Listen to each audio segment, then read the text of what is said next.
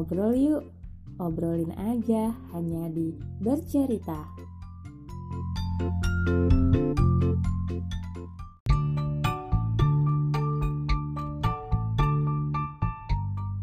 Rasa nggak sih kalau kita di umur yang sekarang ini tuh banyak insecure ya masalah nikah. Jadi aku punya sahabat nih uh, dari zaman kuliah. Itu dia sering banget cerita kayak ngebet banget buat nikah sampai akhirnya tuh kayak takut sendiri gitu. Aku nggak ngerti sih. Ya sebenarnya aku ngerti sih alasannya apa. Cuman kita mau sharing-sharing dengan sahabat aku ini karena podcast aku baru dan aku ingin apa ya kayak sharing dengan sahabat-sahabat terdekat aku aku udah sahabatan sama dia hampir 8 tahun uh, jadi langsung aja kita telepon dulu sahabat aku ini soalnya dia ada di Medan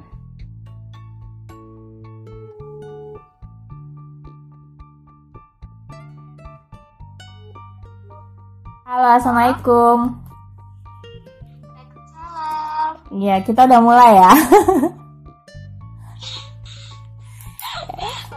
Oke oke oke. Ini juga perdana aku biasanya aku sendirian gitu kalau mau tidur, kalau lagi ngapain gitu, kalau gabut gitu.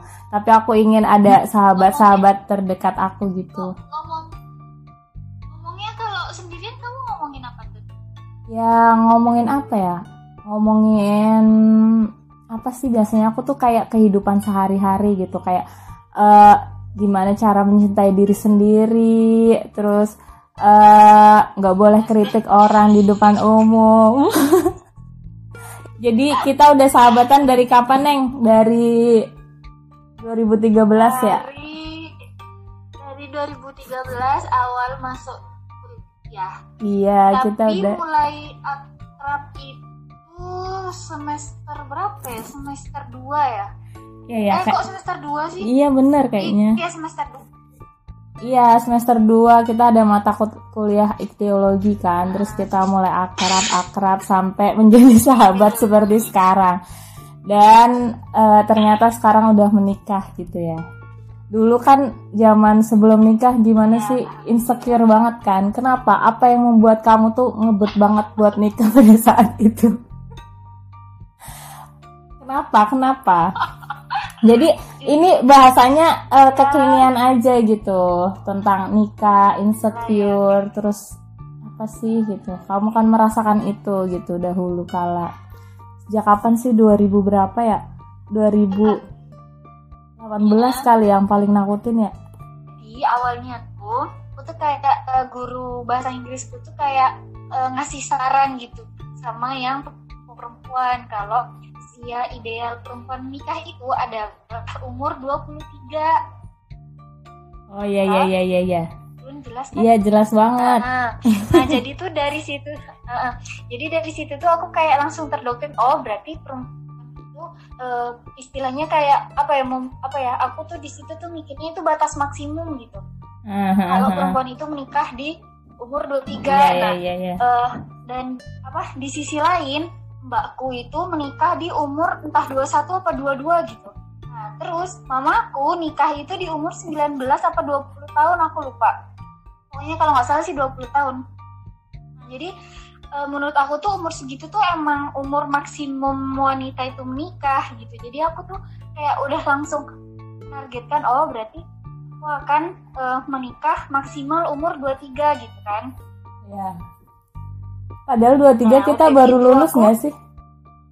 Iya, nah aku tuh maksudnya nggak nggak mikirin apa ya saat itu tuh aku nggak ngitung berapa tahun aku kuliah bahwa aku harus masih apa ya kerja dulu lah ini dan segala macamnya. Aku tuh nggak mikir ke situ. Jadi aku kayak langsung ya mungkin kalau orang zaman dulu tuh kayak emang umur umur segitu kali ya bahkan umur segitu tuh udah udah udah maksimum mungkin ya. Kan kalau orang zaman dulu kan emang nikahnya tuh di bawah ya umur 20, 21 gitu kan, kan Mhm. muda-muda gitu kan. Nah, jadi di- dari situ tuh kayak eh, udah ter, apa ya tertarget sendiri gitu. Oh iya, oke, aku akan menikah di umur 23. Nah, seiring berjalannya waktu, mungkin kalau misalnya aku masuk SD-nya itu umur 6 tahun, eh, mungkin aku eh, cocok ya aku menargetkan umur se segitu tuh nikah. Hmm. nah tapi karena aku masuk SD itu pas tujuh tahun jadi tuh umur segitu tuh ya aku baru lulus baru lulus kuliah masih istilahnya kayak merintis kerja gitu kan. Nah, jadi aku uh, apa ya so, karena aku udah kayak termindset terdoktrin oh aku akan nikah dua tiga dua tiga dua tiga. Nah di saat aku udah uh, umur dua tiga itu tuh kayak aku uh, udah harusnya udah waktunya nikah nih gitu. Walaupun di saat itu tuh posisinya aku tuh baru banget lulus ya. Iya, iya, baru iya. banget lulus gitu. Jadi situ tuh aku kayak aduh udah umur 23 nih gitu. Dan di sisi lain ya mungkin karena temen apa ya temen-temenku uh, terutama sahabat-sahabat aku yang di Madura itu udah pada uh, apa ya udah kayak ya, ada yang udah tunangan ada yang udah lamaan pokoknya gitu gitulah kayak udah udah udah terikat iya. jadi tuh aku mikirnya tuh uh, apa ya aku tuh tertinggal gitu paham nggak? Padahal sebenarnya kehidupan kita tuh berbeda. Aku tuh gak tahu kemarin kehidupan aku notabene aku kuliah di Jawa Barat gitu ya. Jawa Barat tau sendirilah ya lingkungannya kayak apa. Sedangkan teman-teman aku tuh kan di kuliahnya masih di dekat uh, kampungku gitu kan. Maksudnya di masih di area Jawa Timur gitu. Dan uh, mereka juga istilahnya pasangan mereka juga itu sama-sama Madura dan kalau uh, pasangannya sama-sama Madura istilahnya masih satu kampung itu emang rata-rata pada cepet-cepet nikahnya sebenarnya melihat ke teman sekitarku di kampus itu tuh harusnya tidak merasa insecure paham gak sih? Iya iya iya iya iya karena kan belum pada saat itu kita belum mikir ke iya, sana iya, baru kerja banget. Iya, uh, ih mar malah masih pada santai-santai sidang aja masih banyak yang belum kalau aku melihat teman sekitar kampus kota kalau aku melihat temanku yang di sahabat-sahabat aku yang ada di Madura atau teman-temanku rata-rata tuh udah pada terikat-terikat gitu loh jadi di situ tuh aku ya kayak merasa insecure gitu nggak tahu kenapa padahal harusnya tuh enggak gitu loh jadi Toko. ini ya, circle circle kedua kamu selain di sini juga berpengaruh ya untuk mempengaruhi pola pikir kamu pada saat itu nggak sih? Jadi tuh pengaruh. Nah, yang paling parah itu di saat aku di tahun berikutnya di umur 24 ya. Iya kan? Nah, di situ aku tuh tahu ya kayak uh, sebenarnya di situ tuh aku ngerasa insecure-nya kayak aduh udah lebih banget nih dari target nih gitu bahkan udah lewat setahun gitu kan jadi itu kayak makin gat gitu loh tuh kayak tau sendiri lah ya yang kamu nemenin aku sampai jam 12 malam di detik-detik pergantian tanggal 7 kan nah tapi di saat aku udah uh, umur istilahnya udah di tahun berikutnya aku malah kayak biasa aja gitu. Kenapa? Ya pertama uh, apa ya, pengaruh lingkungan lagi sih. Jadi kan tahun berikutnya di saat aku umur 25 dan saat aku masih kerja di uh, eh, BP mm-hmm. nah aku tuh malah ngerasa lebih santai gitu. Kenapa lebih santai? Pertama mungkin karena di BP itu kan uh, istilahnya uh, kerjanya itu kayak menerapkan syariat Islam gitu yeah, kan. yeah. dan kayak uh, semuanya itu kayak apa ya dan setiap minggunya itu kita pasti ada kajian. Nah pasti kalau di kajian pasti setiap minggu berbeda tapi pasti kayak ada sebutannya tuh semua tuh udah ada Allah yang atur Allah tuh yang sebaik perencana gitu. Jadi di situ tuh aku kayak udah mulai santai aja maksudnya kayak udah mulai ah, pasrah ikhlas gitu. Kapan pun ya itu yang terbaik gitu. Maksudnya uh, yang yang apa ya yang percuma aku tuh ngebet ngebet ngebet tapi kalau misalnya uh, apa kayak aku tuh selalu diingatkan gitu selama aku di BP itu kayak uh, percuma lu mau ngebet kayak apa pun kalau ini belum waktunya lu untuk nikah ya lu gak akan nikah gitu. Karena yang apa ya yang tahu kapan terbaiknya lu akan nikah ya cuma Allah gitu. Jadi aku tuh kayak di malah jadi biasa aja nggak yang terlalu gimana gitu kan enggak uh, Ya kan uh, insecure itu kamu kan sebenarnya ada pasangan kan pada saat itu gitu lah ada pacar gitu. Uh, uh. Nah keinsecurean kamu tuh apa sih maksudnya bikin kamu makin posesif nggak sih maksudnya jadi uh, banyak nyalahin pasangan gitu kayak lebih gimana ya lebih tersu gampang tersulut emosi ketika lihat teman-teman nikah atau lihat updatean temen tentang suami tentang seorang pasangan udah menikah terus kamu tuh jadi kayak sering ngambek-ngambek sendiri nggak sih ke pasangan iya. kamu? Iya, itu itu itu sering banget terjadi saat uh, itu saat aku up di sebenarnya di tahun 2019 itu puncaknya sahabat aku tuh udah pada nikah teken teken teken semuanya.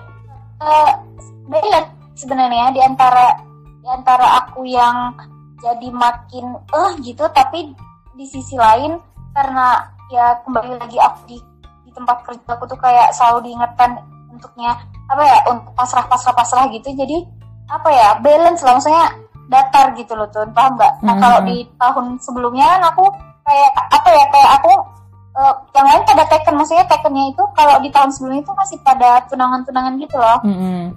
nah tapi di situ nggak ada pengingat aku gitu jadi aku tuh kayak makin gemes makin gemes, lebih gemes lagi dibanding di tahun berikutnya. Karena enggak? Iya, karena nah, lingkungan itu. sih. Mungkin kan lingkungan yang yang dulu sebelumnya emang ya lingkungan orang-orang yang sibuk sendiri nggak sih? Jadi nggak ke arah yang pasrah gitu kan? Uh, iya gitu. Nah terus ditambah lagi ya sebenarnya ya tahu sendiri lah ya kegalauanku saat itu tuh. Pertama ya tekanan dari mas aku udah cerita udah tahu sendiri lah ya hmm, masku hmm, hmm. gimana. Maksudnya mungkin kalau andaikan mas aku nggak sampai ngasih syarat aneh udah sebenarnya nggak aneh ya syaratnya nggak sampai ngasih hal-hal yang kayak gitu tuh aku mungkin juga nggak akan terlalu menekan paham nggak? Iya iya iya benar-benar ya udah santai iya misalkan mas aku tuh adalah santai oh mau misal ya mas aku tuh, misal orangnya oh, oh oh iya setuju. Oh mau kapan oh bulan ini. Oh oke okay, gitu. Mungkin akan santai oh udah oh udah dapat udah dapet restu lah istilahnya. Oh udah dapet restu udah udah disetujui nih di bulan ini. Tapi masalahnya saat itu tuh ya mas aku tuh kayak ngembang gitu loh. Maksudnya ya kalau ya lu gak akan dapet yang B gitu. Jadi makanya itu tuh aku yang apa ya posesifnya gara-gara kali itu.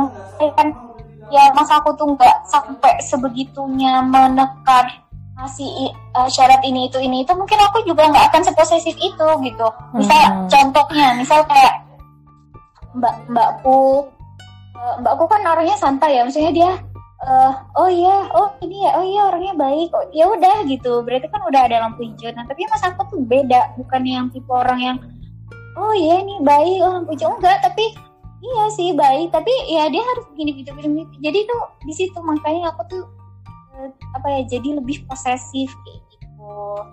Oh iya. Terus pas waktu kamu merasakan itu maksudnya kan berarti di, kayaknya di 2018 kan itu puncaknya ya? Sampai akhirnya 2020 ya 2020 baru menikah berarti kan 2 tahun. Selama 2 tahun itu hal-hal apa yang sebenarnya tuh kamu hindari. Maksudnya kan itu kan ketakutan terbesar yang sebenarnya muncul dari diri sendiri kan. Kayak kita tuh uh, sebenarnya itu benteng yang kita bangun sendiri yang akhirnya bikin kita tuh overthinking gitu kan. Terus sebenarnya apa yang kamu hindari? Atau mungkin sosmed kamu bersosial media yang dihindari atau banyak nyenyapin orang atau apa gitu? Ya, jadi untuk mengobati keinsecureanku, pertama aku uh, jarang lihat story orang. Mm-hmm. Jarang lihat. Sebenarnya aku dari dulu emang suka udah apa ya, udah jarang. Maksudnya dari sebelum aku insecure banget tuh, saya dari awal aku punya IG dan awal IG itu ada story, sebenarnya aku jarang liatin story orang emang gitu. Hmm. Nah cuma ditambah dengan keinsecureanku itu aku makin gak banget ngeliat story orang. Nah selain story ternyata di beranda itu juga e, menimbulkan ke keirian, kedengkian yang yang memuncak gitu.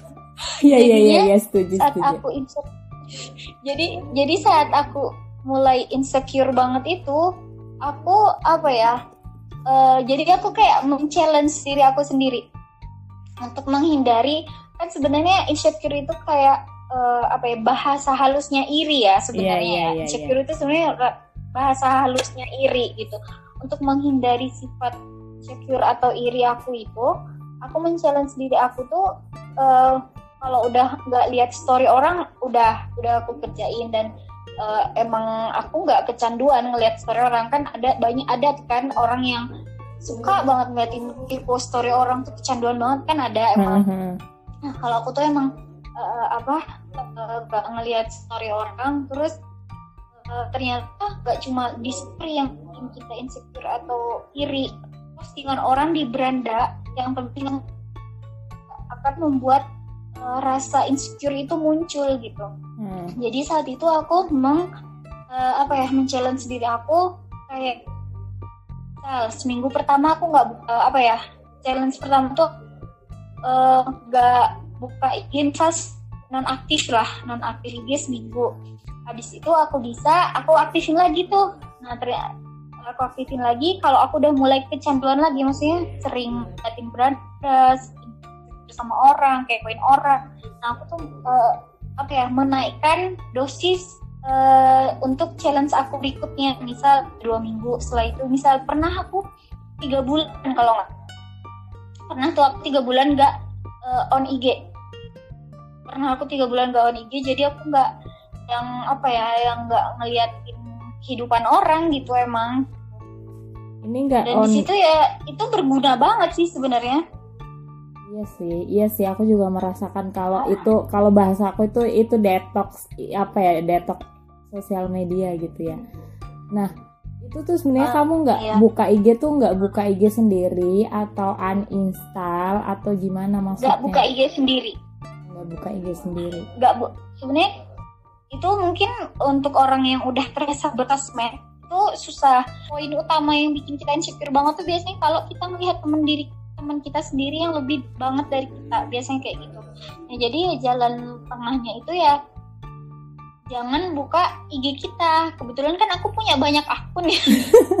Kebetulan kan aku punya banyak akun ya.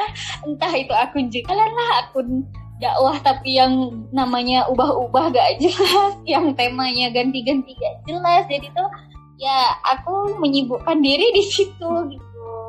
Jadi aku ya buka akun yang akunnya itu malah nggak temenan sama temenku yang temenannya itu sama orang lain kayak gitu. Bahkan aku punya akun yang aku ngeblok temen-temen aku bahkan sahabat aku sendiri kamu. Nah apa ya? Maksudnya kan uh, proses kamu dua tahun insecure sampai akhirnya kamu nikah apa sih yang kamu temuin gitu? Dari sekarang kan pasti ngerasa kok dulu aku kayak gitu ya? Kok aku dulu sebegitunya apa yang harusnya apa ya apa yang kamu sesali dari kejadian dua tahun lalu? Atau kamu sebenarnya nggak menyesal kamu bersyukur atas kejadian dulu bikin kamu makin dewasa? Atau justru hal itu tuh ada yang kamu sesali? Sisi dari insecure kamu dulu dari dua tahun lalu itu ada yang disesali atau enggak? Atau enggak? Gimana? Gimana sih bahasanya? Ya gitulah. Iya, iya paham paham. Kalau aku nggak ada yang aku sesali jujur aku nggak menyesal. Kenapa? Karena itu malah berdampak positif buat aku yang sekarang.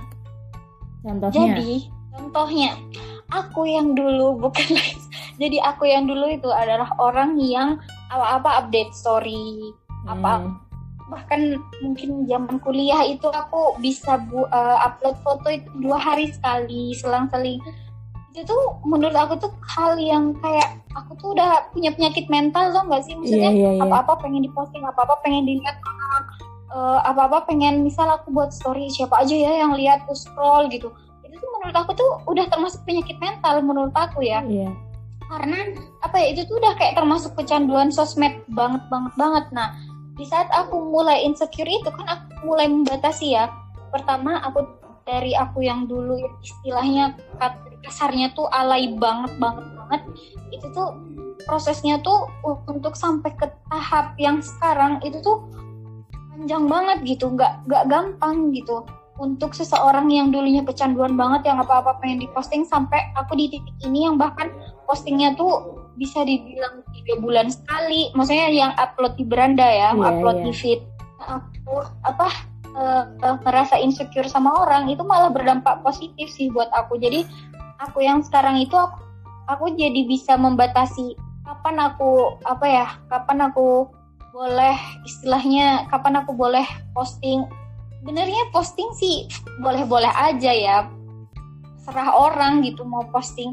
Cuma untuk diri aku sendiri nih maksudnya uh, apa ya biar aku nggak kayak orang penyakit mental yang menurut aku sih aku uh, saat aku sering posting-posting banget kayak gitu tuh menurut aku tuh penyakit mental menurut aku ya.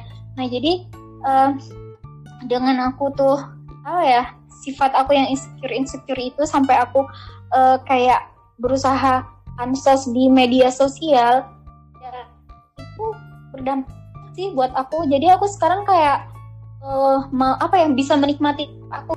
Nih aku mau nanya lagi. Dulu aku inget banget ini yang unik sih.